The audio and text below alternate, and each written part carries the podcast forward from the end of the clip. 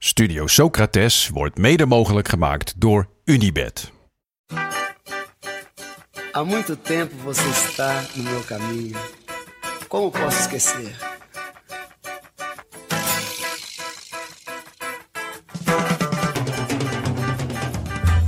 Welkom bij Studio Socrates, een podcast over iconische voetbalteams uit het recente verleden. Teams die je van voetbal lieten houden. Met deze keer het Leicester City van 2015-2016. Menina, menina, no seu jeito de olhar. Sócrates tirou! Sócrates! Lindo gol de Sócrates! No seu modo de andar. Zaterdagavond 13 augustus 2016. Gary Lineker opent het nieuwe voetbalseizoen en heet alle kijkers van het beste voetbalprogramma ter wereld, Match of the Day, welkom. In de achtergrond zitten twee kale, middelbare mannen te ginnegappen. Alsof ze net een vliegtuigje hebben gevouwen en dat naar hun wiskundeleraar hebben gegooid. Ze kijken rond of de rest van de klas het ook heeft gezien en het net zo grappig vindt. De wiskundeleraar, met zijn rug naar de twee bengels, praat onverstoorbaar verder. In zijn boxershort. Dat wel. Op de boxershort staat het logo van zijn favoriete team. Een team waar ook al naar werd verwezen in het laatste shot van de leader, middels een blauwe wolf. De regerend kampioen van Engeland, Leicester City. Maar, boys, zoals altijd, beginnen we met een vraag voor de liefhebber. Het mooiste voetballogo. Ja, leuke vraag. Vond ik het zelf. Ja, jij als Zoveel eh, uit te kiezen. grafisch ontwerper natuurlijk. eh, Dit Ja. is een, eh, een spekkie naar jouw bekkie. Helemaal naar mijn, eh, mijn hand, ja. Je mag hem aftrappen. Nou, fijn. Eh, mijn, eh, mijn keuze richt zich op eh, Duitsland. In zowel positieve als negatieve zin. Oh, Want eh, als je alle eh, clublogo's van de Bundesliga bij elkaar zet, dan lijkt het echt een tekening uit groep 8. vond ik ook. Ik vond dat je echt wel per land kon verschillen kon zien. Van dat ze ook al een, een moderniseringsslag hebben gemaakt of zo, al dan niet mislukt. Ja, Nederland was echt nog heel veel van die klassieke, heel gedetailleerd, echt van die wapenschilden en zo. Maar Duitsland was, ja, Nou, ik vind het dieptepunt het logo van Hertha BSC, wat een blauw-wit vlaggetje is, maar op een soort bierveeltje getekend met een soort kromme letters erbij. Een soort van, nou, dan doen we zoiets. minimalistisch. Nou, niet eens. Niet eens. Wat wel minimalistisch is, is, is, is Wolfsburg. Dat vind ik dat heel lelijk. Een soort Ja. lompe W met een half maandje ernaast. In het hele groen. lelijke club ook, vind ik. Ja, lelijke Wolfsburg, kleur groen. Werder Bremen, ook niet mooi met die... Nou, heeft nog wel iets. Een soort eh, een eh, driehoekige ruiten groen vlak met een soort sierlijke W erin. Ja, ja, ja. Hoffenheim, ook heel lelijk. Een heel simpel schildje met een diagonaal blauw-wit. Met hele kleine lettertjes erin. nou goed, München Gladbach vond ik ook niet mooi. Maar er is dus één eh, die er met kop en schouders bovenuit steekt, vind ik. Toch En wel een Duitse. toch een Duitse. In de Bundesliga. Eén FC Union Berlin. Sowieso een schitterende naam. Ja, ze heette, ik, ik dacht ze heette gewoon Union Berlin. Maar ze heette dus één FC Union Berlin. Net zoals eh Kaiserslautern. Of eerste FC Köln heeft Ja. het ook. Ja, Nou, Zouden ook eens moeten uitzoeken waarom dat ja nou geen idee. Ik zou het niet weten. Ik ook niet. Maar, maar het is een beetje... een- wat een is Oost- zo mooi aan dit logo? Ja, het is een beetje een Oost-Duitse club, dus dat gevoel zit er ook een beetje in. Eh, heeft, ja, het is heel grafisch, heel, eh, de letters zijn heel erg het logo, dat vind ik mooi, want ik hou wel gewoon van letters. In eh, blauw, of in blauw, in rood en geel met een, met een soort beertje, voetbal in, in de C. De, de FC is dan heel groot en dan daar, daarna een soort balletje en daarna Union. Ja, het zit gewoon heel lekker in elkaar. En ik vind het totaal anders dan elk ander voetballogo wat ik heb gezien. Ja, opvallend is dat, hè? Eigenlijk Ehm, lijkt alles toch een beetje een soort variaties op een paar thema's. Ja. Maar dit Ja. steekt er echt uit. En Qua dat, vorm dat vind ik, anders, eh, ja. Ja, Dat vind ik eh, veel ovaal en rond, hè? Ja, Of, of zo'n schild. veel schildjes. Dat ja. zie je heel veel, ja. ja. Ja.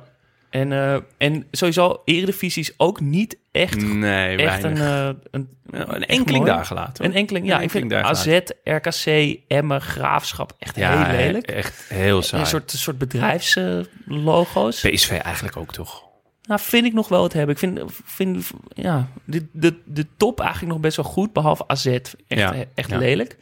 Ehm, het Eredivisie-logo zelf ook ontzettend lelijk. Heel lelijk. Het Ja. oude en het nieuwe, allebei lelijk. Klopt. Maar niet die voor de vrouwen. Ja, dat Die wilde jij. is eh. echt schitterend. Dat is, ja, het is een, een leeuwin in een soort van ja, glas in lood. Maar dan, ja, dat gevoel krijg ik erbij in ieder geval. Ik weet niet waarom, maar ja, vlakken, ik vind hem echt schitterend. Nou. Echt een schitterend logo. Nou, misschien kun, kan die ontwerper ook iets aan de, de, aan de Ja. mannelijke eredivisie doen. Ja. En nog een kleine shout-out naar het logo van eh, Vitesse. Die Dat vind ik dan mooi. Ja. Ja, ja. Ook omdat er letters in staan. De Vitesse staat er gewoon mooi boven. Ik vind het ook mooi dat het geel en zwart is, maar dan witte letters. Dat ja, het breekt het net een beetje. Dus eh, da- daar gaat het goed. Ja, en mijn, ik heb ook nog een kleine shout-out naar, die, die, dat is mijn ene lievelings. Zometeen is ook op mijn lievelings komen, maar eh, Sparta. Werd Ja. ook genoemd. werd eh, genoemd op, ook op Vriend van de Show. Vriend ja. van de show, ja. Door, wie was het? Marlon, Marlon. eh, Arfman. Ja. Ja, een, een, een, mannetje die, die een hoge bal aanneemt, denk ik. Of schiet hij hem net? Ik denk, het lijkt meer op een aanname. Mm, Ja, maar in de hoofd van de ontwerper kruipen zal die wel net schieten, denk ik. Ja, Toch? Ja, zou kunnen. Het is, het is een tribute eigenlijk aan hun allereerste logo. Dus ze hebben een tijdje ook een best saai logo gehad, Sparta. En eh, nu eh, zijn ze dus weer naar deze. En dit is uit, hun eerste logo was uit 1906, geloof ik. En eh, daar is het een tribute. Het is ook zo'n ouderwetse leren bal of zo, die die Ja. aanneemt dan wel Past schiet. ook heel goed bij de Club Ja. Sparta, dat logo. Ja, ja, vind ik ook. Ja, klopt. Nee, trouwens, nog heel even over die Duitse. Dit, ergens vorig jaar of zo kreeg ik op WhatsApp krijg je af en toe zo'n vraag van een, in je vriendengroep van hey, weten jullie dit? En dan is het zo'n voetbalvraag en dan kan iedereen de hele dag erop schieten. En op een gegeven moment kwamen de logo's voorbij van alle Champions League winnaars van de afgelopen of Europa Cup 1 winnaars van de afgelopen 60 jaar of zo. Ja. En er was Zou je toch zeggen dat je dat allemaal weet? allemaal weet. Toch? Maar er was er eentje, echt geen flauw idee. HSV. Zou, die, zou je het logo Ik voor je kunnen halen? wel dat ik dat logo zou voor me zou kunnen halen. Ja? Met, ja, dat komt door Van der Vaart, zijn tijd daar. Ja. Ik zie het even niet voor me. Nee, ja, het is blauw met een rondje en Ja. daarin een ruit, geloof ja, ik. precies. En zwart oh erin ja, ook, geloof oh ja ik. zwart ja, met zwart, met, eh, zwart, blauw en wit. Ja. En ehm, die is de hele dag, want alle logo's kwamen natuurlijk voorbij... en die is de hele dag werd die niet geraden. Niemand wist hem. Maar je kan ook online veel van die eh, quizjes doen. Dat Ja. je de logo's ziet zonder de namen. Dat Ja. hebben ze dan weggehaald of je dat weet. Ja, Is toch, toch lastiger is lastig, dan je hoor. denkt. ja. zeker. Nou, dan jij, eh, Daan. Ja, nou, Of heb, moeten we jou nog... Heb jij Ja, mijn favoriet komt zo, maar die sluit, die sluit eigenlijk wel aan bij die, van, bij die vandaan. Ja, Oh, want- dan gaan we eerst naar Daan. ja, want ik, volgens mij hadden we in de vorige aflevering gevraagd naar het mooiste logo van club of land. En toen zat ik een beetje na te denken van welk logo vind ik nou eigenlijk het mooiste. En toen kwam ik heel snel bij logo's van eindtoernooien eigenlijk. En dan vooral van WK's. En dan tussen 1974 en 98 vind ik eigenlijk elk logo heel mooi. Ja? Ja, dus dat, dan heb je ehm, Duitsland in 74, Argentinië in 78, Spanje 82, Mexico, Italië, USA, Frankrijk. En ja, ik vind dus eigenlijk dat Italië-logo heel erg ja, mooi. die is heel is dat mooi. dat, eh, dat mannetje met die, Nou, die ja, soort ja. stickman, ja, stokjesman. Of- dat is officieel is dat de mascotte, maar Oh, ik, ja. ik, heb hem, ik heb de vrijheid genomen om die even bij het logo eh, te rekenen. Ik vind dat je Oh, wel je- veel vrijheid hebt Vind ik ook, want En mascottes is natuurlijk ook nog wel een, eh, nog wel een vraag. ja, De, de vetste mascotte, maar ook de zuurste. maar als je... ik denk dat toch Lucky Ajax wel Lucky heel... de links. Heel makkelijk. Omdat links. Ajax bekend staat om links, links buitens of zoiets. Hebben ze Ja, een maar- links. nou ja, die, hoeven, die verkiezing hoeven Maar we je dus hebt niet en te geen team en je hebt de kijk, mascotte genomen, die-. Nee, nee, nee. Kijk, die- Lucky de links. Kom je erop? je denkt gewoon meteen aan die mascotte ook. Omdat die mascotte is gewoon Ja, by far de mooiste die er ooit is gemaakt. Dus Ja. ik zou dat gewoon in mijn huis hangen als kunstwerk. Ja, Zo ja. mooi vind ik dat. zeker. Ik heb ooit een lampje gezien. Die, dat gewoon dat poppetje was en dan gaf het dat, dat Echt? balletje was dan de lamp Ja. bovenop en die gaf licht. Nou, dat zou ik ook heel mooi ik ga hem vinden nog om, een eh, keer voor je op marktplaats eh, om huis te zoeken. hebben. Leuk. Maar die, het logo vind ik ook heel mooi. Het is he- heel simpel. Die eh, Italië 90 staat een beetje...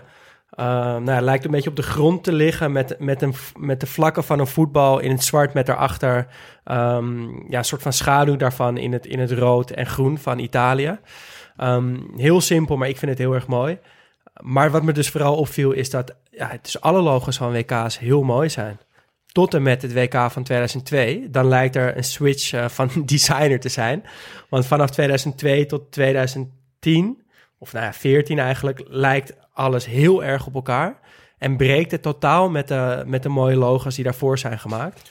Ja, want ik, een beetje En, en wordt het een beetje kinderlijk. kinderlijk, ja. ja, alles moet een beetje rond en golvend. En, Ja. eh, het- toch? Terwijl daarvoor is mooi, grafisch, sterk. Ja. Ja. En sowieso wil ik, wou ik dat nog eventjes kwijt, dat ik altijd ook de vormgeving in de wedstrijden ook zo lelijk vind. De balkjes met- en de ja. namen, dat is altijd Met zo... name bij de Europa League. Ja. Alles Oh, aan het ja. toernooi ademt goedkoopheid. Maar Ja. ook, al, die, al die bumpertjes tussendoor, Ja. dat er zo, nou, dat is zo. En nu is weer een dieptepunt met ESPN. Het is onleesbaar. Het is, er zitten Ja. soort gradients in. ja, dat is echt... en het, het is het gaat te ver. het is ook- doorn, Want, doorn in het want. Fox Sports had het best wel goed voor elkaar, vond Ja. ik. Dat was, was Redelijk, ja. viel niet heel veel op aan te Nee. merken. Nou, hadden wel rare. Nou, jij ik vond die ik letters vond dat die, mooi, maar daar ben ik misschien een beetje te veel nerd in. Maar er was in ieder geval nog niet te veel geprobeerd te doen. Nee. Maar nu worden er zoveel nog een soort van kijk mij het is designen. Terwijl Ja, en de Het moet kleur, gewoon functioneel zijn, de toch? kleur is ook gewoon Euroshopper rood. Dan denk je ook gelijk van, nou, is het in de bonus. Gewoon heel goedkoop van, oh ja, we hebben nog, eh, nog een logootje liggen. Maar wat jij zegt, ESPN is echt, is echt het allerleukste van allemaal. En het is niet alleen lelijk, het is ook totaal niet gebruiksvriendelijk. nee, dat is toch Ik- het enige waar het aan moet voldoen. Ja, ik weet ik- niet of ik, ik of ik het lelijker soms, vind dan de eh, Europa League, hoor.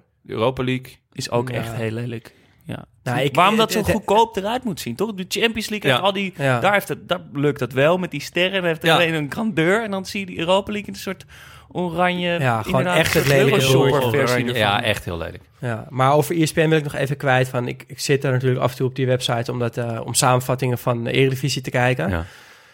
En ik heb me laatst eh, even laten gaan. Ik, ik heb een mail gestuurd naar ESPN omdat ik zo ongelooflijk boos was. Omdat, omdat het gewoon allemaal niet werkt. Het ziet er zo lelijk uit dat ik gewoon agressief word als ik daar op die website moet zijn. En ik, ik had het gewoon niet meer, dus ik heb een hele boze mail gestuurd naar ESPN. Of Heb je antwoord gehad? Nou, nog niet, want het is eh, heel kort geleden verstuurd.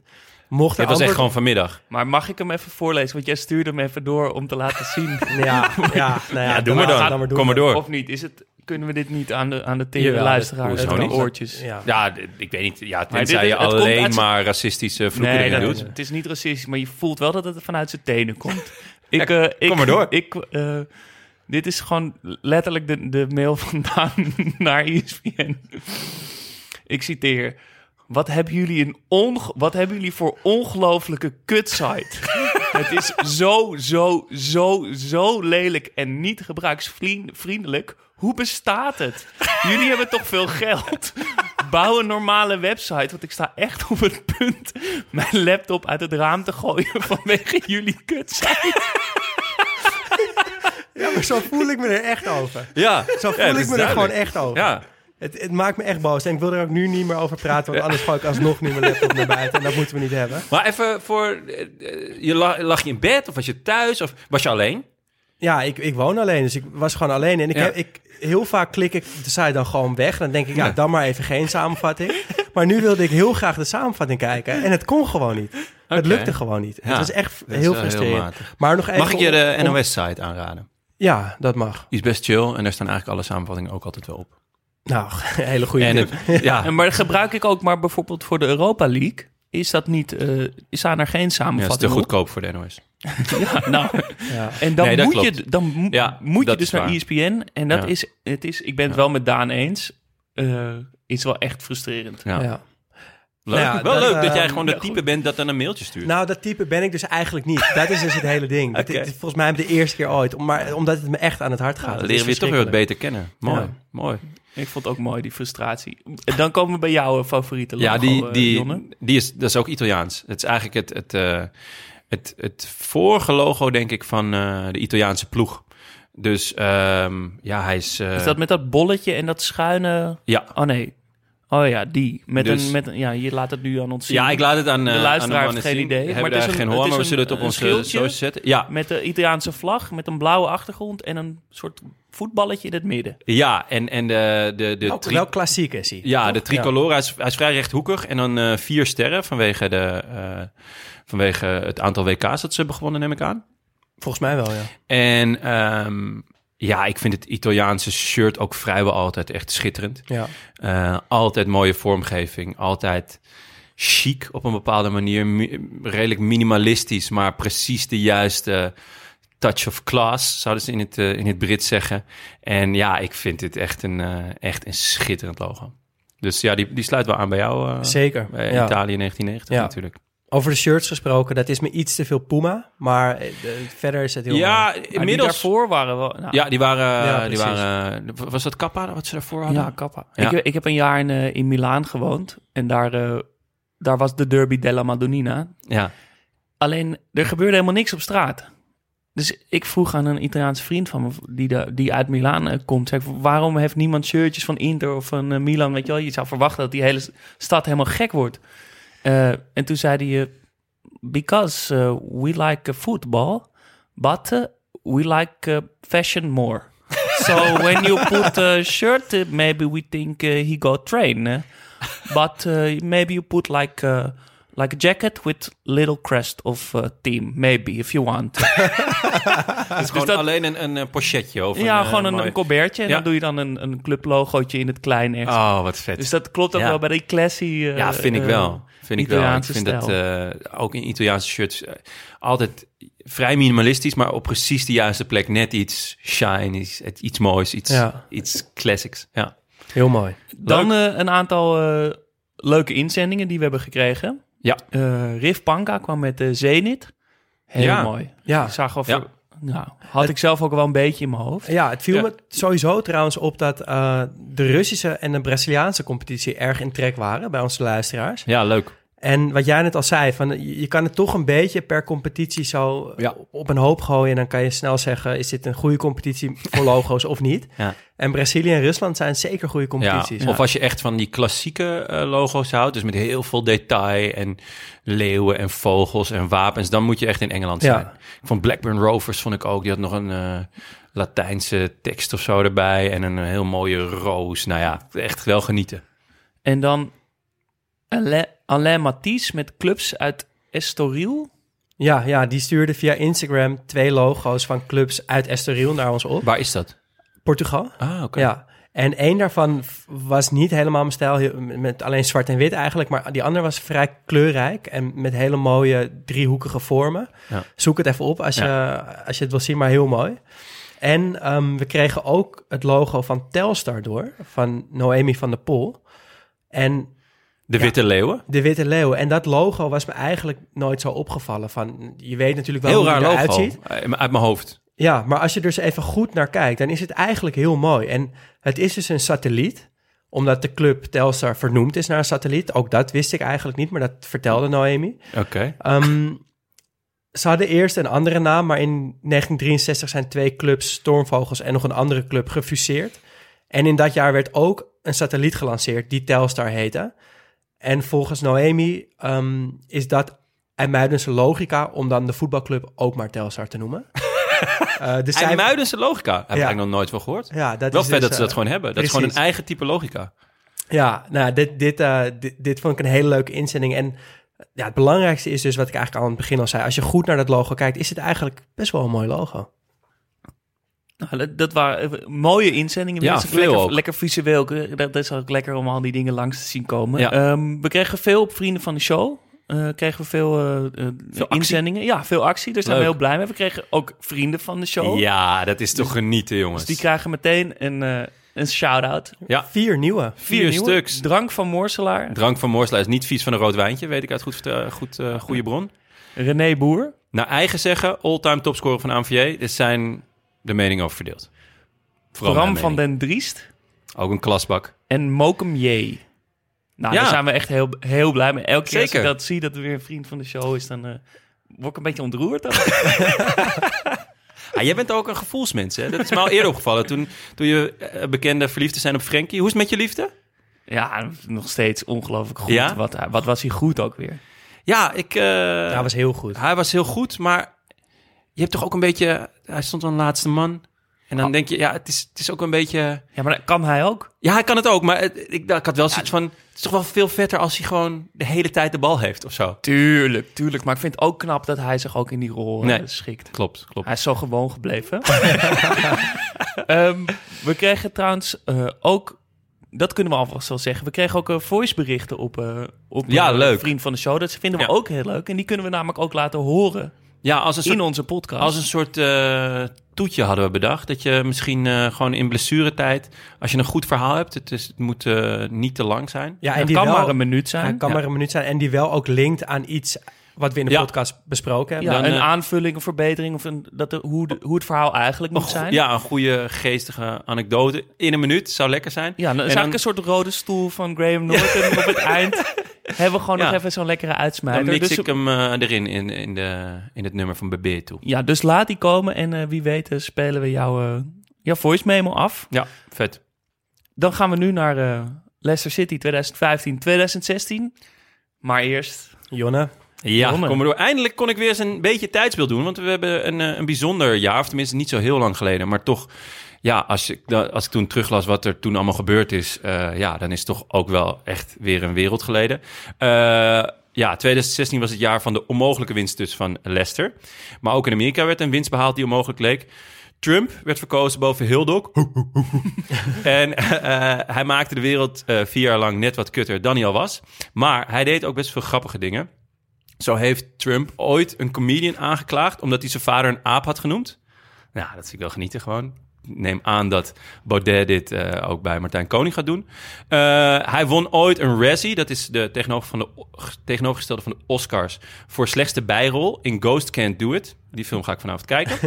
Eh, en Spy Magazine stuurde ooit, of SPY, SPY ik weet niet hoe je dat uitstuurt, stuurde ooit naar de rijkste mensen ter wereld checks van 13 cent om te kijken wie deze zouden innen. Nou ja, sowieso het bestaan van checks, dat geeft al aan dat het lang geleden is. Maar ja, ging ze gewoon kijken wie gaan die 13 cent dan innen.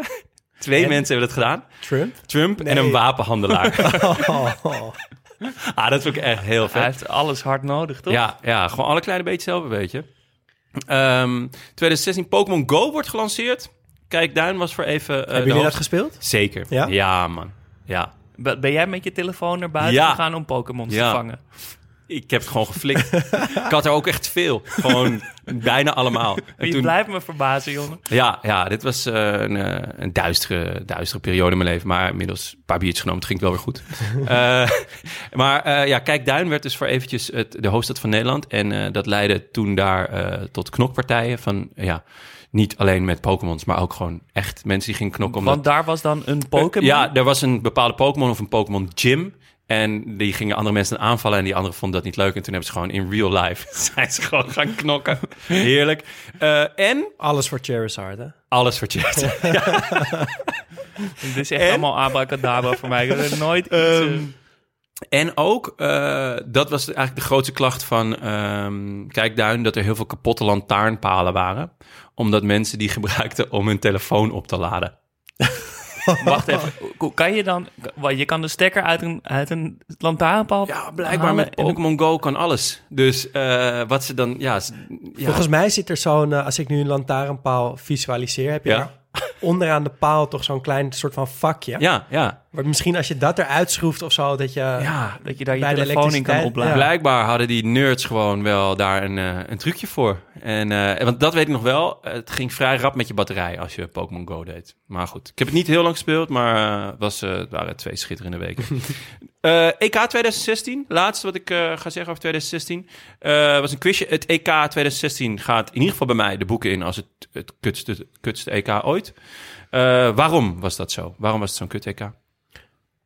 Waar was het ook alweer? Dat Ja, zal goede vraag. Gaan we al. Ik weet wel dat, dat Portugal won. Ja, En dat, played. dat vind ik niet leuk. dat is al inderdaad iets waar je verbolgen over kan zijn. En dat in de finale die spits, die, waar nooit meer iemand van heeft gehoord Ja. verder, ja, scoorde, geloof ik, met een Ja. afstandsschot. En dat Ronaldo geblesseerd ja, aan de zijlijn, een soort Stond van assistent coach Ja, was. ja. heel vet. Absoluut. Maar Het was eh, het, in mijn oog het kutste EK ooit, omdat er voor het eerst, moet ik het goed zeggen, 24 teams meededen. Ah, ja. Eh, waardoor de Ah. beste nummers drie ook doorgingen. Dit was het, Maar eigenlijk gingen er maar twee nummers drie niet door. Dit was wat- het EK met IJsland. Dus, Inderdaad. En ja. nou ja, IJsland, dat is, was de volgende vraag. Wat was het kutste team? Ja, Nou, IJsland. IJsland met die ellendige hakka's en weet ik wat. Die konden echt... Ja. Even voor de luisteraar, Jasper doet nu een hakka. Doet hij altijd en- als hij binnenkomt. En weten jullie nog wie er eh, in de spits stond daar? Golbein, Ja. jouw lievelings. Oh, Dus nee, dat was echt eh, ellende. En eh, dat is dus ook Met hoeveel punten ging Portugal door naar de volgende ronde? Ah, dit- volgens mij weet ik het ook. Drie keer gelijkspel, dacht Drie ik. keer gelijkspel. En volgens mij één goal gemaakt of zo. Ja, het was echt niet om aan te gluren. En die werden daarna Europees kampioen. Ja. Want ja, eh, meedoen eh, was blijkbaar was in ieder geval makkelijker dan winnen. Ehm, maar Nederland deed niet mee. die had het gewoon gepresteerd om niet bij de beste 24 landen van Ja. Europa te zitten. Nou, Ik vond het wel- best wel een leuk toernooi. Echt? Ja, ik heb dat gewoon wel met plezier gekeken. Ja, maar dat gewoon ging niet puur goed met omdat jou, het een eindtoernooi is. Ja, nou ja, Ja. ja. ja, ja, ik, vond, ik heb gewoon wel echt lekkere wedstrijden zitten kijken. En ik, ik, ik, kan me, ik, ik maakte dat eh, seizoen een, eh, een soort special voor Toto. Maakte ik online filmpjes. En dan gingen wij bij plekken waar mensen uit een bepaald land dat ging spelen in Nederland samenkwamen. Dus er, was een Portugees clubhuis. En er Oh, was ja, een, ja. eh, weet ik veel, een restaurant met de. En dan gingen we daarheen en gingen met die mensen die wedstrijden kijken. Ja, maar En dat- dan maak je dat het was wel leuk echt voor heel jezelf. erg leuk. Ja, Ja. Ja. nee, ik, ik zat gewoon eigenlijk voornamelijk naar eh, semi-profs uit IJsland te kijken... die meer dansten dan, eh, dan dat ze goed Ja. voetbalden. Nee, ik vond Ja, het echt... Ik heb echt staan hossen met helemaal vol met Portugees Mooi, en mooi, dronken ja. op, met Portugees bier. Ja, lekker. Ja, dat eh, wa- was beter geweest. We hadden bij Jasper moeten Ja, in hindsight. Ja. Op naar de basis. Yes. Op goal. Kasper Schmeichel. Staat er nog steeds ook. Ja. Ja, is toch geweldig. Ik vind dat echt geweldig. Ja. Al die spelers die er nu nog staan, dat, Ja. dat Ja, daar wijden we straks nog wel over Ja. uit. Maar ik vind dat ook heel vet. Ja. Dat, dat, eh, ja, dat Leicester dat voor elkaar heeft gekregen. Ehm, Kasper Schmeichel, dus de zoon van Pieter Schmeichel natuurlijk. De legende van eh, Manchester United. ook nog steeds de zoon. Ja, nog steeds. Ja. Ehm, wat ik niet wist, maar wel leuk vind om te weten. Hij is begonnen bij City. Uh, Manchester City heeft daar ook acht wedstrijden onder de lat gestaan. Uh, nog een pingel van Robin van Persie gepakt. Was wel nog in de mindere periode van City, toch? Ze waren toen nog niet zo... Nee, maar oh, ze waren wel al Booming. zeker aan het opklimmen. Het, het- Oh. Niet eh, de Paul Bosveld, Nigel de Jong eh, periode. Ehm, Danny Simpson, de Ja. rechtsback.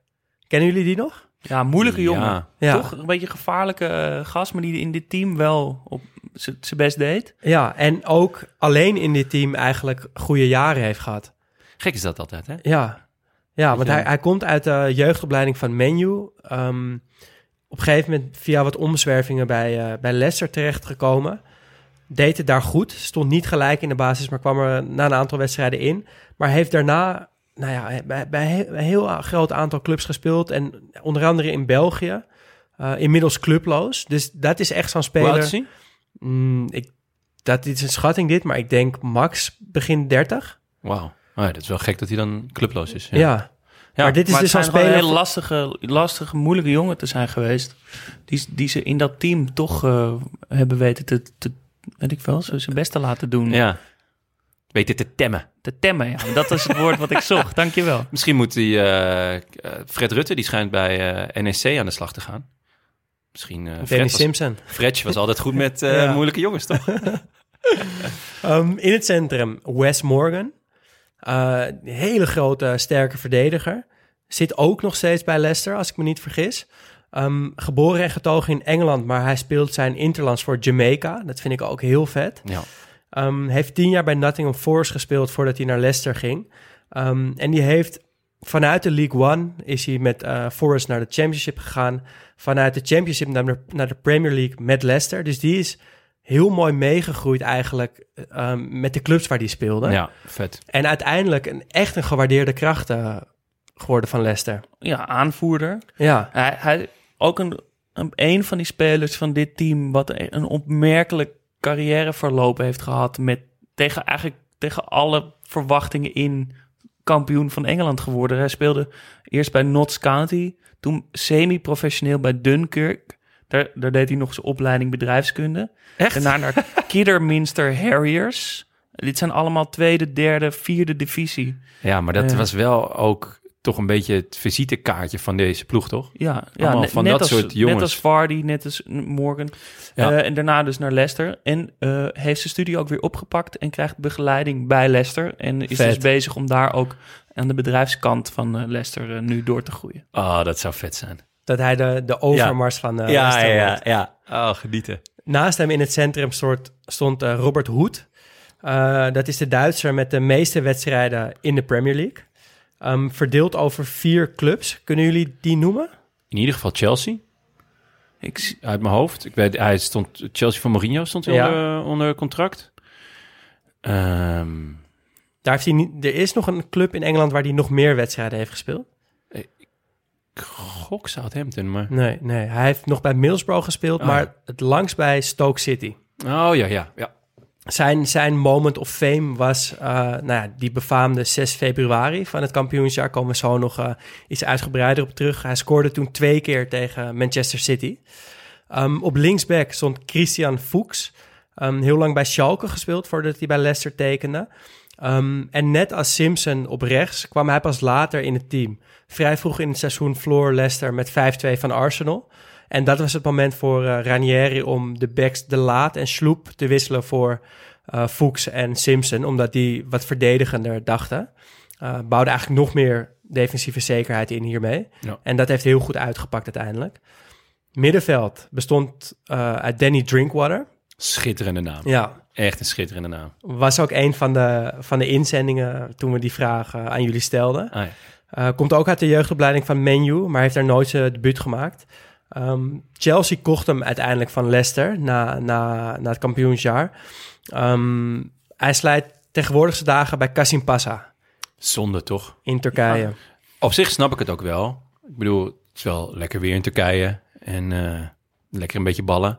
als je kampioen van Engeland bent geworden op zo'n manier, dan boeit het misschien ook allemaal niet meer. Ja, denk je... Denk Denk je dan dat- gewoon ik heb ja. het allemaal gehaald. Wat, Ja, wat maakt het me allemaal nog uit? Waarom Ja. laat ik me nog zo op voor een wedstrijd? Ik ga gewoon lekker voetballen. En, eh, ik ben Nou allemaal wel. Ik ben toch al onsterfelijk geworden. Ja, dat is wel waar. Maar zou je dan...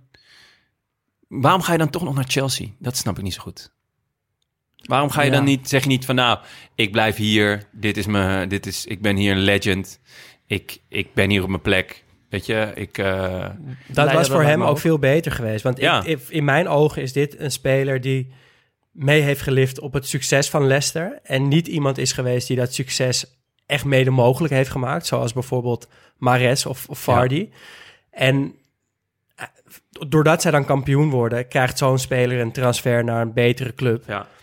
Terwijl die eigenlijk volgens mij dat niveau helemaal niet aan kan. Dus hij had inderdaad lekker bij Leicester moeten blijven. Heeft hij, heeft hij het nationale team nog gehaald? Volgens mij wel namelijk. Volgens Denk mij het ook, ja. Hij Maar- heeft wel ja, Maar heeft hij zich niet ook financieel onafhankelijk gevoetbald bij Chelsea? Dat zou kunnen. Ja. Hij maar ja, dat- ik, ik weet dat ik daar niet goed genoeg voor ben. Ik pak nog even een zak geld mee en ik... Dat zou natuurlijk kunnen. Aan de andere kant, ben je dat niet ook al bij Leicester als je kampioen wordt? Ik bedoel, daar zal toch een lekkere bonus op staan. Je zal waarschijnlijk daarna ook wel een lekker nieuw contract kunnen tekenen. Gok ik. Er zijn in ieder geval... eh, Dat vind ik altijd zo raar. Van als je dan naar een grote of een, of een club gaat waar je dan geld, heel veel geld kan verdienen. Het is niet dat je bij je huidige club niks verdient. Nee. Het was niet dat je daar voor een AA'tje en, eh, en een, eh, weet ik veel, Toyota Avensis aan het voetballen was. Om maar eens wat te noemen. Ja, geen idee hoe dat bij Leicester was. Maar ja, nou ja, ze hadden... ze, ze- Ze hadden wel geld. Ja, want het is... ja, de noem jij de naam van de eigenaar? Nou ja, de, een Thaise meneer. Bekend van de King Power eh, supermarkten. Ja. Eh, gestorven trouwens. Ja, vanwege die heli- eh, helikoptercrash. helikopterongeluk. Wat bij Leicester ook echt als een bom binnenkwam, weet ik nog wel. Ja, maar hij is heel geliefd. Ja, hij was heel geliefd. En wat ik ook heel vet aan hem vond, is dat hij gooide niet blind al zijn geld er tegenaan, maar koos heel bewust om zijn geld te investeren in bijvoorbeeld scouting. Ja, echt Ehm, scouts weggekocht ook hè, bij ja. andere clubs. Ja, en, en die had echt wel een, eh, een visie eh, met die club voor ogen. En dat is nou, toch wel redelijk Ja, goed je ziet het ook om, in, in de mensen die ze halen, die misschien bij hun huidige club of eh, op een zijspoor waren beland of, of, of gewoon niet pasten. Of gewoon echt, echt in de lagere regionen, zoals Vardy. Ja. Ja, Dus- terwijl het ligt natuurlijk heel erg op de loer om, om gewoon een zak geld er tegenaan te gooien en overal Ja. spelers vandaan te toveren. Maar dat hebben ze niet gedaan. Ehm, iemand die ze ook voor heel weinig geld binnenhaalden was N'Golo Kanté. Nu kent iedereen hem natuurlijk, maar toen kende echt niemand hem nog. Ze hadden hem eh, uit Frankrijk en ja, ik moet gelijk denken aan volgens mij een verhaal wat heel typisch voor hem is. Hij speelde toen wel al bij Chelsea, maar toen ehm, wilde hij na de wedstrijd met de trein naar Parijs. Die miste hij. Ehm, en toen heeft hij gegoogeld van, nou ja, is er ergens een, eh, een lokale moskee? Dan kan ik even bidden en dan gewoon rustig terug naar huis. En in die moskee waren een aantal andere moslims die eh, nou ja, daar ook kwamen om te bidden. En die herkenden hem. En die hebben hem toen uitgenodigd om lekker met, met, hem, met hun mee naar huis te komen. En Kanté zei ja. Dus een, een uur later zat hij daar chicken curry te eten, een paar potjes FIFA te spelen en eh, Match of the Day te kijken met, met drie jongens die hij nog nooit eerder had ontmoet. En er zijn ook foto's hiervan. Ja, filmpjes en hij zit een beetje ongemakkelijk Ja, hij zit daar heel- op die bank. Het is ja, Ja? echt mooi. Zoek Wauw, het, wat zoek vet, het hè? op. Maar wa- wat ging je in Parijs doen dan? Ik denk dat hij eh, dat het interlandbreak was of zo, dus dat hij naar het nationale team ging, Ah, zoiets. Ja, ja. Wat ik dan ook heel vet vind dat hij dat met de trein doet en niet eh, Ja, zeker. met, het, met het vliegtuig of privéjet of hoe dat Ja. ook gaat. Ehm, maar hij, ja, over hem wordt wel gezegd dat hij de bepalende factor was in het kampioensteam. Was ook de enige belangrijke speler die na dit jaar al weggekocht werd. Ja. Ehm, en hoe, hoe zien jullie dat? Is, is, Ja, in mijn ogen is, is het de belangrijkste positie op het veld. De, de zes. Ehm, ik vind in veel kampioensploegen is dat de speler die het verschil maakt. En je ziet daar ook altijd sterk de hand van de trainer. Van ja, als het, eh, is het wat verdedigender, dan gaat hij toch voor ja, toch iets meer een hakker. Ja, maar ik vind voor een, voor een verdedigende middenvelder kan hij wel goed voetballen. Ja. Hij, het is niet dat, dat, dat de boel stokt of zo bij hem. Het is natuurlijk niet de man van een verfijnde paas, maar het is ook niet, eh, hij vertraagt niet. Ehm, dus, en die jongens zijn natuurlijk echt wel heel uniek, hè? Eh, die op zes spelen, eh, verdedigend heel sterk zijn en ook nog eens fantastisch kunnen voetballen. De, de Fiera's van deze wereld. Ja. Nacho de Jong had het op een gegeven moment een beetje. Makelele. Eh, dat soort gasten die echt op zes ook nog heel goed Frenkie kunnen voetballen. Frenkie de Jong, zeker, ja. Ik wilde het net zeggen. Nee, absoluut. Ehm, die ook nog eens heel kunnen... eh Schweinsteiger in zijn in zijn beste jaren. Ehm, Maar ik vind het een beetje... Ik, ik, ik vind het een geweldenaar, maar ik vind het iets te veel eer voor Kanté... om te zeggen dat hij nou, het, de sleutel was tot, tot dat succes. Ik, nee, maar voor veel Nou, maar wel, Teams volgens is- mij is het gewoon is de het team wel- spirit. En Ja, maar hij past daar heel goed bij. En, en zonder capsones, zonder ego gewoon. Zeker, 100%. Maar Ja, het is maar wel een sleutelpositie. Tuurlijk, tuurlijk. Zeker. Maar- En wat ook wel opvalt, is dat jaar la, een jaar later. Hè, natuurlijk is dan die hele ontlading. Is, je, hebt, het- je hebt het grootste al behaald. Dus tuurlijk zakt er dan wat weg in zo'n team. Maar het werd echt een heel stuk minder. En de enige die weg was, was hij. Ja. Ja, dat is wel echt... Ja, dat is wel gewoon heel opvallend. Daar moeten we ook eerlijk in zijn. ja, zeker. Maar ja, in, in het belang van het team daar een, een voetballer of een verdediger zetten is natuurlijk gewoon essentieel. En hij speelde gewoon wel. Hij was de, de lijm wat dat betreft, toch? Ja, absoluut. Ik, ik, ik had nog ook een kleine anekdote over Kanté. Oh. Ik zag een interview met een teammanager van eh, Leicester... die de jeugdteams deed. En op een gegeven moment kwam er, wat hij zei... een jongetje van ongeveer 12 naar hem toe. En die vroeg of hij een taxi voor hem kon bellen. Toen zei die teammanager... hoezo moet ik nou een taxi voor je bellen? Kan je, kunnen je ouders je niet ophalen? Toen zei ja, nee, eh, kan niet. En eh, eh, oké, nou, waar moet je naartoe? Ja, naar het Hilton Hotel. Dus die teammanager vond het een beetje een raar verhaal. Die kijkt het jongetje aan die zegt, nou, nou, eh, nou, als je dat echt daar naartoe moet, dan bel ik wel een taxi voor je. Bleek het dus Kanté te zijn, die net voor 5 miljoen was gekocht. Maar ja, zo'n klein mannetje Ja. zonder enige capsones met een klein stemmetje... die dan dus ook naar de verkeerde teammanager gaat... en Ja, in heel beleefd probeert te vragen... Dit of was hij bij misschien Leicester? Een, ja, of hij misschien een taxi voor hem wil In het begin van dit kampioensjaar gebeurt dit gewoon. Ja, heel En vet. die heeft zich daarna ja, schaamrood op zijn kaak. Ja. Dat hij dat heeft kunnen ja. Nee, die, verwarren. Maar dat is toch, Ja. geeft ook aan wat voor is ook wel iemand echt die heel Kanté klein, hè? Toch? Ja, maar die Hij zou niet boven de op, tafel heeft een hele zachte stem. Ja. Zegt ook nooit iets. Ja. Te bescheiden. Vraagt of er misschien, als het mogelijk is, een taxi kan worden Ja. besteld. maar dan is het dus wel zo mooi dat dat op het veld dus heel anders is. Dan is hij nog steeds natuurlijk wel heel bescheiden. En volgens mij wel een hele nette, faire speler. Maar ook Ja. gewoon diegene die je gewoon constant achter je aan hebt lopen. Die overal tussen zit. Het lijkt me verschrikkelijk om Ja. tegen te spelen. Ja, misschien wel een van de moeilijkste spelers om eh, tegen te voetballen. Ehm, gaan we door met Yes. ehm, een van de buitenste middenvelders. Mark Albrighton. Zit nog steeds bij Leicester. Ehm, wa- wat ik me van hem, hem herinner, goede trap. En hij offerde zich een beetje op voor Mares aan de andere kant. Zodat hij zijn gang kon gaan. M- ja, was Albrighton degene die heel veel vuile meters opknapte. En eigenlijk ook die is in mijn ogen ook is meegelift op dat succes van Leicester. En het ook bijvoorbeeld niet bij een grotere club zou kunnen. Nee, en dan Eh, maar zo wel goed paste in Ja. dit team. gewoon goed dat hij dan ook niet weggaat. Ja. Ja, en ik noemde hem net al even, Mares, Riyad Mares. Ja. Ja, ik vind dat echt, ik ben zo'n groot fan van hem. Ik vind dat een van de sierlijkste voetballers ter wereld. Eh, zelden iemand zien voetballen op, op zo'n elegante, mooie, soepele manier. Eh, ik, ik denk meteen aan die aannames in de loop als hij een crosspas krijgt. Aan, aan zijn schijntrap. Er is ook zo'n filmpje op YouTube dat hij een paar keer achter elkaar die schijntrap op rand 16 doet. Volgens mij ook bij lessen in het kampioensjaar. En dat ze echt aan alle kanten voorbij sliden zonder de bal te raken. Um, en ja, ik vind hem een beetje een, uh, een plus. Ik vind hem ja, ook echt nog een stuk beter dan, echt Ziyech. een straatvoetballer ook, toch? Ja. Ja, Ja. Ik, ik snap je. Maar vind je het dan niet jammer dat hij bij City speelt nu?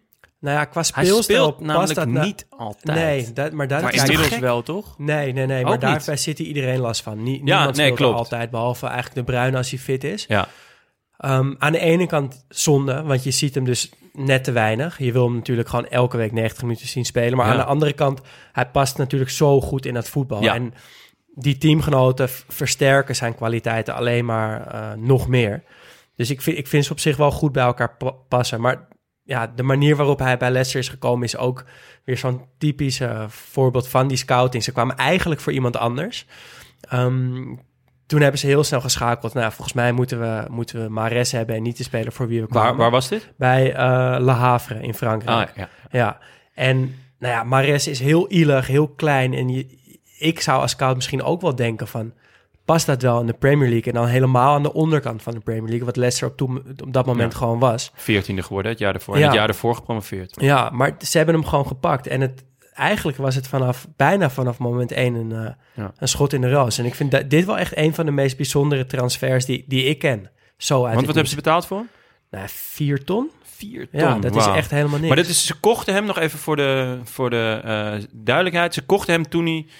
eh, toen Leicester nog in de Championship Ja. speelde, toch? Dus Ja. in 2014. Ja, Dat is heel ander voetbal. ja. Dus wat dat betreft hebben ze ook een... In de winterstop van het jaar dat ze promoveerden. Ja, best een ja, heel opmerkelijke aankoop eigenlijk. Ja. Ja. Ja, en nu, ja, net als met Kanté, nu kent iedereen hem. Hij is eh, Afrikaans voetballer van het jaar geworden. Hij is zevende geworden in gouden balverkiezing. Gewoon echt een hele goede speler. En tijdens dit seizoen heel hoog rendement ook. 17 goals, 11 assists.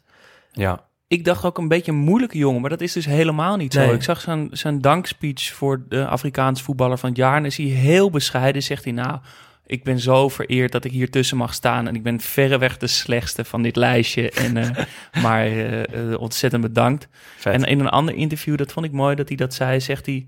The only thing in voetbal is to play. Just play. ja, En dat Ja. zegt ook wel iets over hoe... Toch, je moet gewoon... hoe die voetbalt. En ja. hij zegt ook, ik wil alleen maar voetballen. Ik wil elke twee, we- twee dagen een wedstrijd. Ja. Ik hou ervan. Ik hou van een competitie. Ik hou van trainen. Ik wil gewoon voetballen, voetballen. Just play. Zolang Ah, die ja. bal gewoon aan zijn linkervoet gekleefd zit, Ja. is hij blij. Dat, en dat, dat vind ik ook een vergelijking uh, waarom ik net zei met Ziyech. Want Ziyech heeft dat ook heel Ja. erg. Ja. En die pure blijdschap. ja. Blijdschap, ja. Plezier in voetballen. Leuk. Hele mooie speler. Ehm, Zeker. Een beetje een vreemde eend in de bijt. ehm, naast Jamie Vardy was Shinji Okazaki. Ja hoor, omdat het een Japanner is. Nee, ik dacht al, word ik hier nou gewoon... eh, Ja, kijk. Ja, je wordt even... Af. de racisme-alarm hoor hier. Nee, nee. Hij eh, wisselde veel af met Uloa. En dat is een beetje, dat is een heel grappig contrast. Want Okazaki is een kleine, behendige Japanner. En Uloa juist een heel ander type spits. Een hele grote Argentijn. Uh, en, en Leicester kon nou ja, leuk schakelen tussen die twee type spelers. Ja. Um, ze kochten hem van Mainz voor 7 miljoen. Dus weinig geld. Maar als je het net vergelijkt met wat ze voor Mares bijvoorbeeld betaalden... is het al een stukje meer. Ja, vind ik wel. En hij voetbalt nu nog bij Huesca in, uh, in Spanje. En heel veel interlands voor Japan gespeeld. 119 interlands, 50 goals. En um, ja, ik vond het toch altijd een, uh, een leuke speler ook wel om te zien. Ja, ja vooral vet dat contrast tussen die Ja. twee, twee type spitsen. Ja. Ook wel slim om... uh, ja, je kan dan gewoon twee type voetbal Ja. spelen. Ja, want Vardy speelde natuurlijk altijd. Ja. Daar komen we nu op. Um, ja, dat is ook een, een een schitterend verhaal. verhaal. Dat is toch wel het verhaal van dit team ook wel, toch? Mhm. Vardy, dat is gewoon... Als je dan iemand moet aanwijzen, is hij wel gewoon de man, toch? Want hoe, hoe Ja. zat dat uh, verhaal in elkaar? Nou, hij, wat zijn verhaal is, is dat hij eh, in de jeugd bij Sheffield Wednesday speelde. Eh, niet goed genoeg. toen voor 30 pond per week bij Stockbridge Park Steels ging spelen. Allemaal allerlei bijbaantjes. Twijfelde of hij nog wat door wilde gaan met voetbal. 30 pond per week. 30 pond per week. Halifax Town. Maakt al iets, eh, een, kleine promotie, weet ik veel, naar het zesde niveau of het v- Ja. vijfde niveau zo. Toen deed hij het ook goed, scoorde hij ook veel. Ging naar Fleetwood Town. Verdiende die toch al 850 pond per week. Ah, gaat wel, zit je wel in de lift. Ja, gaat zeker goed. En vanuit daar naar Leicester gaan. Eh, Vanaf Fleetwood Town naar Leicester. Ja, en, En, Fleetwood Town speelde welk niveau? dat durf ik even niet te zeggen, maar, Hij, hij, maar eh, nou ja, dat was nog non-league. Dus dat is wel anders geregeld dan hier. Maar volgens Ja. mij ben je dan officieel dus nog geen prof. Ja. Ehm, maar is het wel al vrij serieus en best wel hoog niveau gewoon. Ja. Ehm, maar, maar het was dus een, ja, nog een non-league club, zo noem je Oké. dat. En Ja. altijd getwijfeld, ja, moet ik wel profvoetballer worden? Moet ik me niet richten op een of andere carrière? Dakdekker. Eh, ging bij Leicester eh 2,25 miljoen pond per jaar verdienen. En is toen naar die voorzitter gaan om te vragen wat hij daar in godsnaam mee moest doen. wat moet ik hiermee? Dit is zoveel geld. Ik heb nog nooit over nagedacht. Of dit in mijn handen gehad. Ik, maar dat, ja, dat, niet per week dan, hè, maar per jaar. Maar, Nee, ja. maar toch... Wel een goede vraag. Ja, wat moet ik? Weet Ja. je wel, help me. Ik kan dit niet. Nee, snap ik kan- ook wel. Als Die je man heeft 850 pond Ja. in de week verdient en je gaat opeens Ja. naar 2,5 Ja. miljoen. Ja, en dan naar de voorzitter, die heeft heel veel geld. Die heeft veel ervaring dus ook. Ja, Wat je met vond het ook- 225 miljoen kan. Ik vond ja. het echt voorop spreken. Ja, vet. Ja, en, en hij ging ook van het amateurleven naar het profleven. En daar heeft hij zich volgens mij nooit echt aan aangepast. Wat ik ook heel vet vind. Ja. Want hij is nog steeds... Natuurlijk is hij wel fit, maar niet echt. Nog steeds een beetje dunnig. En Ja. hij gaat volgens mij nooit de gym in. Hij, hij zegt zelf dat hij eh, jarenlang leefde op Red Bull en, eh, en van het snoestabak. Wat je zo tussen je, je lippen Echt? zet. Ja, en Oh, dat heeft een van de vrienden van ons, eh, van de vrienden van de show, die heeft het ooit genomen. Tien minuutjes later was hij oud. Nou ja, dat doet Vardy dus eh, de hele dag door. Ja, en drinkt alleen maar Red Bull, non-stop. Ja, Oké. Ja, dus dat is wel eh, ja, een, een heel vet verhaal. En ja, dat Leicester met hem ook weer de gok heeft aangedurfd... door iemand van zo'n laag niveau eh, naar de club te halen, is heel vet. En dat ja, heeft ook hier gewerkt. En ook wat, ja, wat we net ook al even zeiden... het is ook zo vet, vind ik, om te zien dat hij nog steeds daar speelt. En hij zegt daar zelf ook wel eens over... dat hij zich zo verbonden voelt met de club... en zo loyaal is naar de club die hem deze kans heeft gegeven. Ja, want hij, na het kampioensjaar er gingen geruchten, Arsenal. Ja, Arsenal wilde hem, eh, U- wilde hem United mij ook nog wel eens eh, gehoord in de wandelgangen. Ja, volgens mij heeft, eh, is hij wel gelinkt aan ongeveer elke club uit de En waar ik ook gelijk aan moet denken bij dit, bij dit jaar. En, eh, de, de, de, de pols, de, de, de brace Ja. waar hij mee speelde, of gips Ja. of zo. Ja, Waardoor je- elke wedstrijd had hij dat ding Ja, om. had hij dat ding. Wat had hij gebroken vinger of zo? ik weet eigenlijk niet wat daar Nee. de reden van was. Hij speelde er maar ik zie wel dat beeld mee. voor Ja. hem, ja. Ja. Ja, en hij, hij pakte het eh, record af van eh Van de Man, van Ruud van Nistelrooy... door in elf wedstrijden op rij te scoren. ja. En ik weet nog wel dat ik toen Leicester begon te volgen. Net als Tuurlijk, iedereen in ja. heel Europa natuurlijk. En dat dit een soort van heel leuk zijprojectje was Ja, van ja, het hele ja. Leicester had echt veel aandacht, toch? Ja. Gaat hij het pakken? Gaat hij het Ja. pakken? Ja, ja, ja. ja. En Maar we komen er zo nog wel een beetje op Ja, te spreken, ja. want ik vind het een belangrijk moment. Ja, nou ja, en ja, Vardy, hij, zit- hij- wat ik al zei, hij zit er nog steeds. En dat, eh, ja, dat maakt het echt eh, heel, eh, heel bijzonder. Ehm, dan gaan we ook nog eventjes naar de bank kijken. Want eh, daar zaten ook leuke spelers op. Ben Chilwell bijvoorbeeld. Die nu Goeie furoren naam. maakt als linksback bij Chelsea. Ehm Uloa, die spits die we net al even noemden. Eh Gökhan Inler. Ja, Dat vond ik toen altijd waar, heel ja. opvallend dat hij nooit speelde. Want ik Ja. vond het een hele goede speler bij Napoli altijd. Ja. Eh, maar Zwitsers kwam daar, toch? Ja, precies. Kwam daar bijna niet aan de bak. Dan had je Demiria Gray. Eh, zit nu bij Leverkusen. Heel jong en talentvol, maar komt er niet helemaal uit. Bij Leverkusen nu ook niet, geloof ik. En ja, de clublegende Andy King, die echt al tien jaar bij Leicester speelde toen ze kampioen werden. ja Dus dat, is, toch- ook zo iemand ja. die zo meegegroeid is met de club. En waarvan eigenlijk iedereen binnen de club ook wist...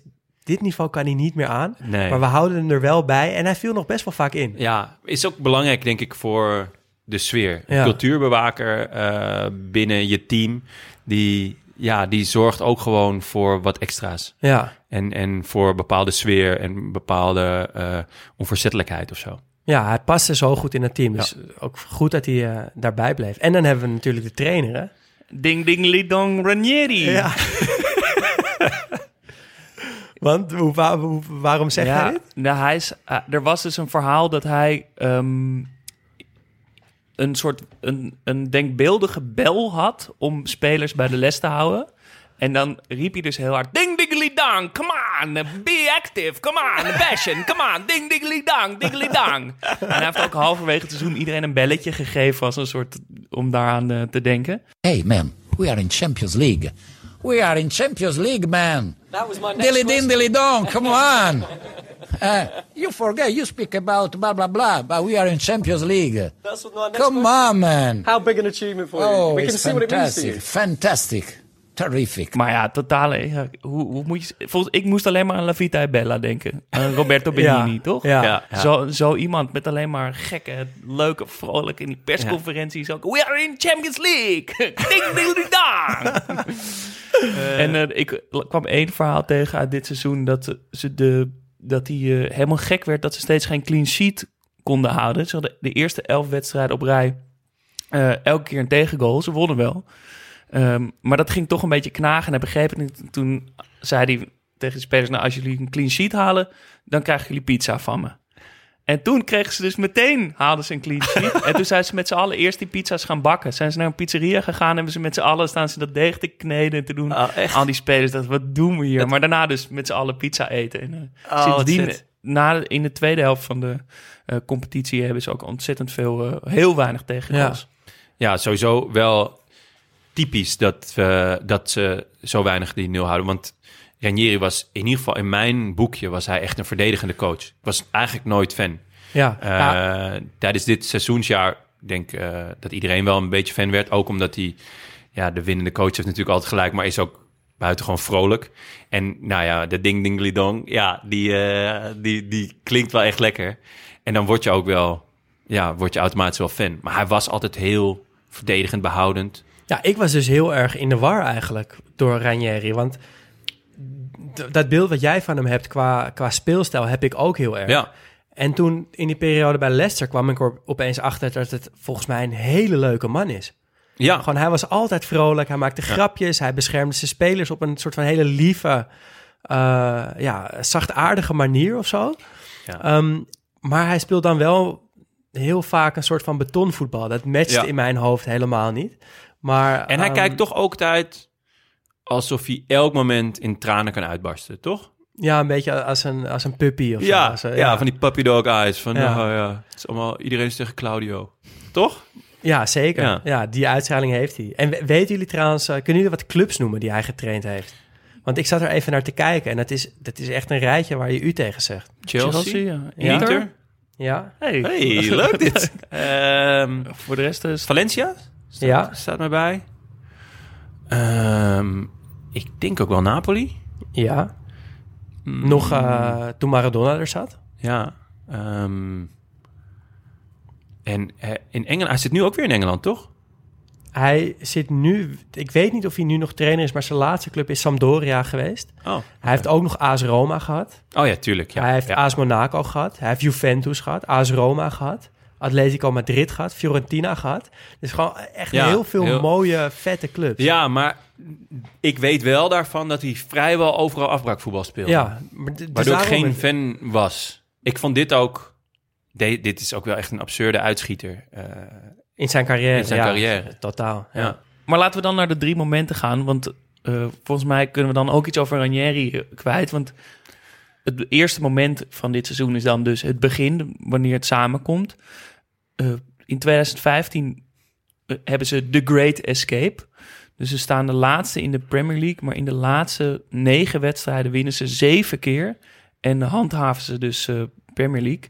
Eh Dat is ondercoach, ook echt absurd ja, trouwens. ondercoach Nigel Pearson. Aan de hand van Cambiasso, die er Ja, dan nog een seizoen heeft Ja, gespeeld. Ja, ja. Toch ook wel opmerkelijk. En eh, tot ieders verbazing wordt Pearson dan die zomer ontslagen en Ranieri aangesteld. Heel raar. Terwijl hij net zeven wedstrijden op rij ongeveer heeft gewonnen. Dus iedereen zegt, nou, wat, wat gaat er gebeuren? Eh Hoed kende de trainer. Die had daar bij Chelsea met hem gespeeld. En die zei, ja shit, dan moeten we twee keer per dag gaan trainen. En eh, we hebben allemaal geen zin. Dus al die spelers dachten ook, jezus, we waren net lekker bezig. Komt, eh, komt die gozer. Ja. Maar hij kwam binnen en zei: Ik ga niks veranderen. We gaan gewoon lekker voetballen. En eigenlijk het mantra van hem dit seizoen, van Ranieri, was: It's not about the result, it's about the attitude. Met andere woorden, je kan wedstrijden verliezen omdat andere mensen beter zijn. Maar ik wil gewoon vechtlust zien. Ja, Je moet gewoon 100% geven. En als je niet 100% geeft, dan dingeli dingeli dong. kwam, die, kwam die bel erbij. Maar met, met, met die filosofie eh, komen ze dus Ja. echt heel ver. over geven gesproken. Wat gaven de boekies voor een kampioenschap van Leicester? 5000 tegen 1. Wauw. En op degradatie 3 tegen 1. Oh, wauw. En ik weet nog wel dat er zo tegen het einde van het seizoen allemaal verhalen naar boven kwamen van mensen die dus ja, elk jaar een tientje gewoon op Leicester zetten, omdat het hun clubje is. Ja, En die dan, op- die dan uitgekocht werden door de boekies. Die, de boekies gingen Ja, dus ja. aanbiedingen doen aan iedereen die die weddenschap had afgesloten. Van, ik wil hem afkopen voor eh, 50% van de weddenschap bijvoorbeeld. ja Vijf oh, wedstrijden toen- voor het einde. Ja, ja, ja, ja, dat weet ik ook nog wel. Ja, Maar er moeten ook mensen zijn die 50.000 euro hebben Zeker, gewonnen. 100%. Tuurlijk. Ehm, een ander moment wat we misschien kunnen aanduiden als het eerste moment is die wedstrijd tegen Arsenal. Daar Ja. hadden we het al over. Want ze, Ja. gaan- ze beginnen eigenlijk heel voortvarend. Staan eerste. Ze wonnen drie potjes Ze gelijk, wonnen hè? drie potjes, staan eerst in de Premier League. Gaat allemaal goed, maar de eerste grote test is Arsenal. En die verliezen ze vrij kansloos met 2-5. Maar wordt door veel spelers en door Ranieri aangeduid als het begin... dat er een soort geloof kwam dat ze dachten... Hm. ze hadden wel vechtlust getoond. En ze, ze stonden hun mannetje, ze waren, niet, ze waren wel overklast... maar ze, Ja, en ze lieten wel zien een goed team te zijn. klopt. En, en een leuk detail. Dit is de laatste topper die Arsenal won. Met pijn in mijn hart eh, zeg Ja. ik dit als eh, Arsenal-fan. Ja, en, en eh, het was dus ook het moment dat hij de twee backs eh, verving. Ja. Wat ik dan ook wel... Vind ik ook wel een beetje typisch, toch? Je wint drie potjes. Supergoed. Je bent ja, daarvoor degradatiekandidaat. Nog steeds eigenlijk wel. Het, het, het motto was niet degraderen. Dat heeft eh Ranieri ook gedurende het seizoen nog gezegd. Ze winnen die eerste drie potjes. Je verliest van Arsenal, wat echt niet heel gek is. Erop, je twee backs eh, eruit. Ja. Is wel een beetje... eh, ja maar ja, het heeft, het heeft wel eh, echt resultaten gehad. Ik, ik Ja. weet wel wat voor coach Ja. hij wordt. Eh, gewoon op, opportunistisch. Ja, we hebben verloren, ik gooi het allemaal om. Iedereen eruit. Iedereen eruit. Dan moment twee, het moment dat het een beetje begint te komen, het succes. Dat je denkt van er zit iets in. Ik denk het moment dat dat eerst wordt genoemd, dat het woord kampioenschap wordt genoemd. Maar Ja. dan ben je nog heel optimistisch eigenlijk. Hè? Dat is het is- van ja, de- want dit de- is- Maar dit is. En nog steeds ook. Ja. Uiteindelijk is het nog steeds een wonder, toch? Ja. Het kan helemaal Nee, niet. dit is- kan, dat hele verhaal is onmogelijk. Dit is, dit is eh, denk ik het grootste voetbalwonder van de afgelopen ja. 30 jaar. Ik misschien, denk, ik misschien, denk wel ooit. Ja, misschien. Toch de verschillen tussen top en lage teams toch nog nooit zo Nee, groot klopt. En dan ook nog in de Premier League. Ah, ik- en dan in de zit- zwaarste competitie. Ik zit nog in mijn hoofd met, met Griekenland, die Europees kampioen werd. Maar dat was, is een toernooi met, met enkele wedstrijden. Dus Ja. uiteindelijk hoef je maar, wat is het, zes, zeven En die potjes. hadden ook echt niet de sympathie. En Leicester kreeg Nee. ook die sympathie mee. Daar ontstond Ja, echt ja, iets. zeker. En dat, dat Which maakt het zo reminds me, hadden jullie ook iemand in je, in je buurt die dan ineens Leicester-fan was? Die, en dat dan claimde je dan zo, gewoon een shirtje gekocht ergens op de, op de, In op de. Turkse markt. Ja, in Beverwijk, gewoon eh, de Zwarte Markt. Het klinkt die- alsof jij die wel in je omgeving Ja, ja, die hadden wij wel, ja. En het is niet dat je hem nu nog, dat hij nu nog wekelijks die, die potjes, of hiervoor, dat hij de potjes van Leicester, maar ineens eh, wist hij eh, zogenaamd alles ervan. En hadden jullie dat niet in je omgeving? Nee, maar Heel ik, bij mij kwam het... Ik, ik heb dat wel echt op de voet gevolgd toen. Tuurlijk, maar dan. Toch, het maar zal toch er is niet, een verschil tussen, niet. tussen het, het, eh, het volgen en het claimen. Precies. Dat is waar. Nee, dat is heel irritant. Dat is maar ik, ik denk dat we het tweede moment kunnen... Er zijn ook een aantal momenten dat we kunnen zeggen... Oké, dat woord kampioenschap wordt genoemd. Of Ja. dat, ze dat, dat het opeens echt tot de mogelijkheden begint te, te worden. Eh, dat is of op 5 december Met Gary Lineker, met Gary Lineker. de vetste voetbalpresentator ter wereld. en een groot, groot eh Leicester groot fan. Leicester-fan. Eh, Steekt al- hij ook niet onder stoelen of banken? Nee, en het is vet, want hij heeft, hij heeft, eh, hij heeft een mooie glimlach. Hè? Ja. Sowieso best een mooie, mooie kop. En hij zit daar dan. En de sfeer bij Match of the Day is natuurlijk oude jongens krentenbrood. Ja. Je zit daar met oud voetballers onder elkaar en je legt het. Je, je- ja, ze hebben gewoon echt plezier samen. Dat zie je aan alles. En elke keer als Leicester weer heeft gewonnen, dan zie je gewoon met name Alan Shearer en eh, Ian Wright. Volgens mij Ian zitten Wright, er ja. vaak. Dus dat, dat zijn die twee jongens op wie ik net doelde in mijn, in mijn intro. Eh, die zie je echt van... je zit te genieten. hè? Je Ja. zit te genieten. En, en Lineker, hij kan het gewoon ook niet onder stoel of bank. Hij kan niet, hij kan niet eh, doen alsof hij eh hè, Nee, maar dat, neutraal en dat, dat professioneel doet hij dan dus ook niet. En Nee. dat is, maakt hem ook zo vet. Ja, Maar Ja. ik heb het idee dat in die match of the day wordt dat het woord kampioenschap in Leicester wordt, Nee. nooit in één zin genoemd. Het, is Nee. gewoon, het kan gewoon niet. Nee. Niemand wil het jinxen ook. Iedereen denkt het is mooi zolang het gaat. En dan, hij ja. tweet dan op 5 december, Gary Lineker... If Leicester wins the Premier League, I'll do the first match of the day of the next season in my undies. ja, zo geschieden. Ja. Dus we kunnen dat denk ik aanduiden. Ian het Wright, dus Ian Wright zegt op een gegeven moment op eh, vijf, eh, vijf wedstrijden van het einde... zegt hij van, you better hit the gym, mate. En, maar misschien het echte moment, denk ik, is eh, in februari. Dan moet eigenlijk, het is allemaal leuk en aardig met de Leicester. Ze winnen alle potjes, maar wel van Aston De Villa en, eh, weet ik veel wat. En in februari moet ze tegen Liverpool, Manchester City en Arsenal. En het geloven heerst dan een beetje van, nou, na die drie toppers zou het wel klaar zijn met die leuke streak van, eh, van Vardy. Eh, van, nou, van Vardy ook trouwens, maar van eh, Leicester. Beetje wat er in dit, in dit seizoen in de huidige eredivisie ook over Vitesse werd gezegd, toch? Eigenlijk ook precies hetzelfde. Tweede, die zeiden van nou, komt januari aan. Na januari gaan we de balans opmaken. Ja. zo geschieden. Maar Leicester niet. Die winnen 2-0 eh, uit tegen Liverpool met die geweldige goal Die van Vardy die hem in volley- één keer tenminste volley niet een volley, Ja, maar in de, in de, Ja. in de korte kruising ja, Ja. van heel ver. van helemaal Ja. schuin, ja, eigenlijk in een kansloze positie. Ja. Eh, daarna moet ze tegen Manchester City en dan zeggen die spelers zelf ook, ja, ja, je kan niet, de huidige kampioen City zijn zo goed, daar kunnen we niet van winnen. Helemaal niet in Manchester. En ze winnen gewoon met 4-1 of 3-1. 3-1 dacht ik, Twee ja. goals van Hoed. Ja. Hoe? Hoed? Hoed? Ehm, en dan, dan zijn ze gewoon maar echt titelkandidaat. Ja, volgens Ja. mij komen ze dan op, eh, dan staan ze vijf punten los. Ja. Ja. Of zes, vijf. Vijf of zes Vijf, punten zes, los ja. staan ze van City. Rechtstreeks duel dus. Vroeg duel om de titel, maar toch kon je dat wel een beetje zien op die manier.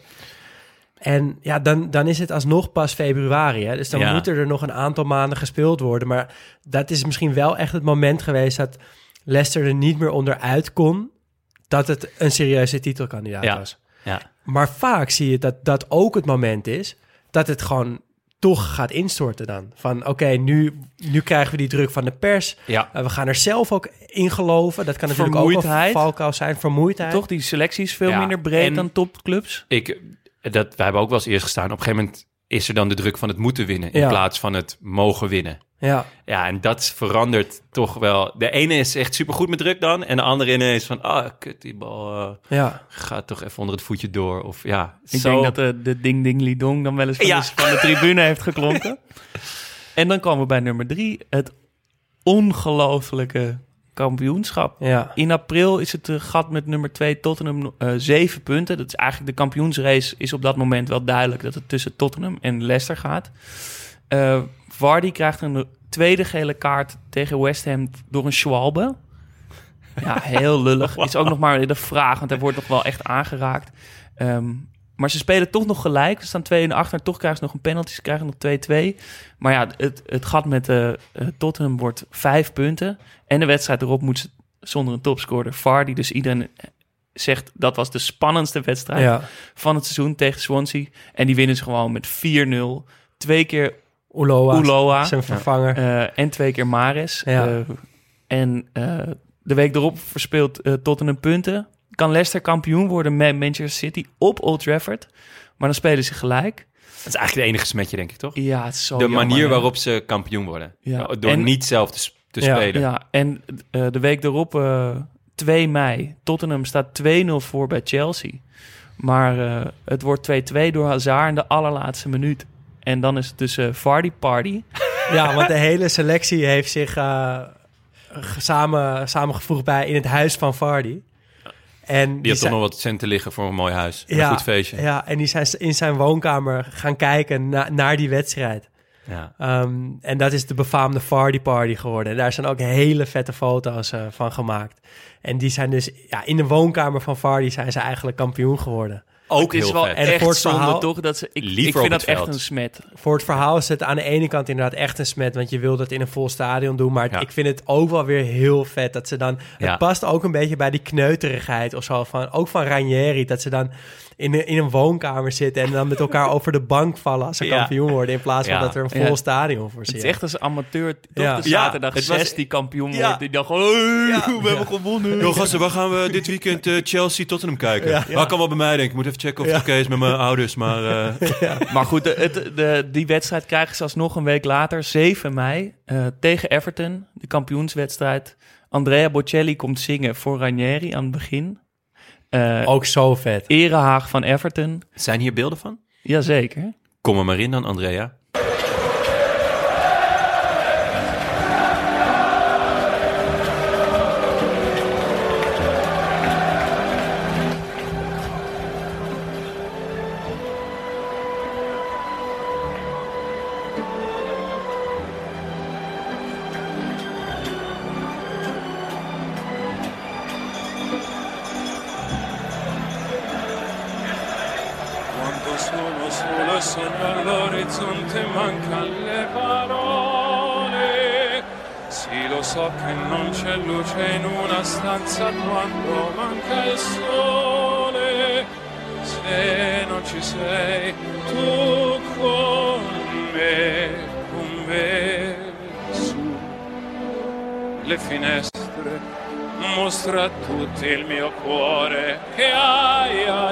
Acceso chiudi dentro me la luce che hai incontrato per strada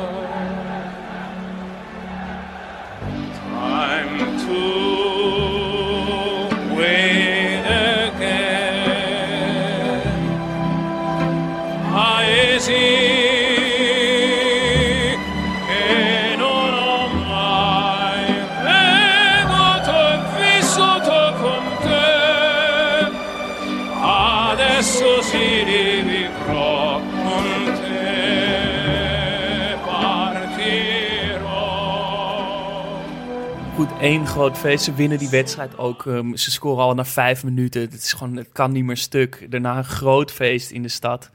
En dan zegt Ranieri dit. I want to say thank you to everybody because in all the season they push behind us and they believe in us. Every time we was down to nil, they push, they push, they push. Well done, thank you. Now next season, Champions League. Looking forward to it? Yes, keep dreaming, keep dreaming. Don't wake up. Ladies and gentlemen, Claudio Ranieri. Ja, keep, die, keep dreaming, keep dreaming. Don't wake up. Schitterend. Echt heel Ja, mooi. Heel vet. Ik heb kippenvel hier. ja, ja, ik ook wel. Ja, het is... Ik, ik, ja, Bijna Louis van Gaal. pakt precies toch wat, er- waar het om gaat. Of het is een Ja. droom. Het, is, het kan nog steeds. Het is, het is ongelooflijk, maar blijf daarin. Word niet wakker volgende dag. Want het zou zomaar voorbij kunnen zijn. En zo. Het is, ik vind dat hij dat moment Het kan echt gewoon. heel mooi pakt. Het kan gewoon. Ja, het is gewoon gebeurd. En laat het ook een, een inspiratie zijn voor elke voetballer die dus nog Ja. op de derde divisie speelt. of, of elk team wat, wat kan. te kloten. Ja, het kan gewoon. Je kan gewoon kampioen worden. Keep dreaming. Ja, Zo up. vet. Heel vet. Ja, wat, dat is ook gelijk de erfenis, toch? Ja, keep dreaming. Volgens mij is dit het allermooiste voetbalverhaal, denk ik sowieso. Maar misschien ook wel sportverhaal van deze eeuw. Het is tegen alle verwachtingen in en op zo'n manier en met zulke mensen is het gewoon de allermooiste. En ja, vooral eh, als underdog tegen het grote geld. Eh, volgens mij is, is dit echt eh, een team waarom wij deze podcast maken. Absoluut. Gewoon, je hoopt dat dit gebeurt, maar je durft het bijna niet te hopen omdat de kans zo ontzettend klein is.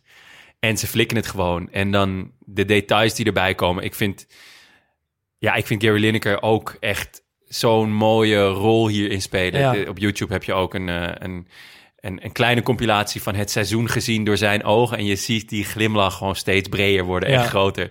En het eindigt met hem in zijn boxershort dat hij Match of the Day gaat presenteren. En eh, het vette is dan, hij kondigt dan eigenlijk gelijk een samenvatting aan. En dan denk je, nou, na die samenvatting zal het wel, weer oké zijn. Maar dan zit hij daar gewoon nog steeds in zijn boxshirt. En er zitten Shearer en Wright, die zitten daar. En die zitten echt bloedserieus die, ehm, die, die, die samenvatting ja, te analyseren. En hij ook zo. En op een gegeven moment zegt hij... Oké, gast, dit, dit kan eigenlijk niet meer. Ik, eh, we gaan naar de volgende samenvatting. Ik ga, ga mijn kleren aantrekken, want ik kan jullie dit niet aandoen. Ja, schitterend. Echt, de kerst op de taart. Nou, dan wil ik dan nu ook wel zeggen dat als wij op een gegeven moment een aflevering hebben die meer dan, laten we zeggen, 20.000 keer beluisterd is, één, één unieke aflevering, dan ga ik hier ook in mijn onderbroek de volgende show doen. Ah, is wel, zonder, is wel makkelijk hoor, zonder beeld. Maar dat posten we dan natuurlijk ook gewoon. Oké, dat is goed. Ja, vind ik een goede deal. Heel vet. U luisterde, oh nee, u luisterde naar Studio Socrates, maar voordat ik ga afsluiten, vertel ik eerst wat ons de vraag wordt van volgende week. Oh ja, tuurlijk. Eh, dat stellen we ons de vraag wat ons favoriete stadion is. Ehm, reageer daar graag op. Stuur reacties eh, naar vriend van de show. Ja, en, dat, en daar wil ik nog even aan toevoegen. Dat is vaak eh, heel persoonlijk, omdat het... eh, ja, er zit vaak een ervaring aan vast. Je bent in een stadion geweest eh, tijdens een vette wedstrijd... of toen je op reis was of whatever. Ehm, dus neem dat vooral mee in je antwoord. Ja, eh, mocht je daar ook een, eh, een spraakberichtje of iets dergelijks bij... Wie weet eh, kom je in blessuretijd nog langs. En eh, ja, dus vetste stadion. U luisterde naar Studio Socrates, gepresenteerd door Daan Sitorius, Jonne Seriese en mezelf, Jasper Gottlieb. Vond je het leuk? Abonneer je dan en laat een review achter, zodat we makkelijker te vinden zijn. En heb je een vraag of een verbetering? Slide dan in onze DM op Instagram, studio-socrates. Of stuur een spraakbericht Of een normaal bericht. of een normaal bericht via vriendvandeshow.nl slash Studio Socrates. En zoals gezegd, de vetste spraakberichten maken kans om in blessuretijd afgespeeld te worden.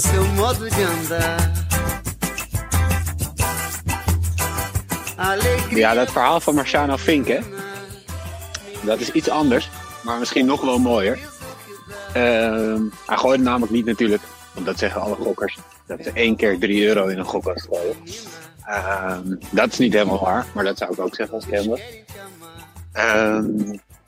hij had een, eh, een, een vriend, Oviedo Heinze, ook een hele vette naam. Ehm, ja, en daarmee gingen ze altijd pokeren en eh, naar het casino. En dan gooiden ze inderdaad aan het eind van de avond, wat ze nog over hadden, eh, gooiden ze inderdaad in die Mega Millions. En eh, dat eh, deden ze al, nou ja, weet ik veel, een tijdje, een half jaar, een jaar. En ze hadden een deal van, oké, win jij hem, dan geef je de helft bij mij. Win ik hem, dan geef ik de helft aan jou. Nou, en je raadt nooit. Marciano op vakantie. Oviedo wint hem. Dus iedereen helemaal euforisch. Oviedo. Lachen, gieren, brullen. Bla bla bla. En die Marciano denkt: Nou, dat is kassa voor mij. Maar daar dacht Oviedo iets anders over. Die eh, zei namelijk: Nee, we hadden die deal alleen gemaakt. Ehm, als we samen in het casino zouden zijn. Eh, en jij was op vakantie. Dus die heeft alles toen zelf gehouden. Ehm, nou, vriendschap een beetje bekoeld. Ehm, en volgens mij binnen een half jaar daarna gooit Marciano weer een keer 3 euro in die uh, gokkast. En wint hij hem ook. Dus toen waren ze allebei eh, Mega Millions winnaar. Ehm, en nou, toen is de vriendschap wel weer iets beter geworden. Maar volgens mij nooit meer zoals het, eh, zoals het helemaal zo was. Hoe ik dit weet is omdat ik pokerverslaggever was. Natuurlijk, best lang. Voor eh, eh, Poker City van Mario Singles en zo. Eh, en zij deden altijd mee aan al die pokertoernooien. Eh dus dat, eh, ja, zo is het echt gegaan.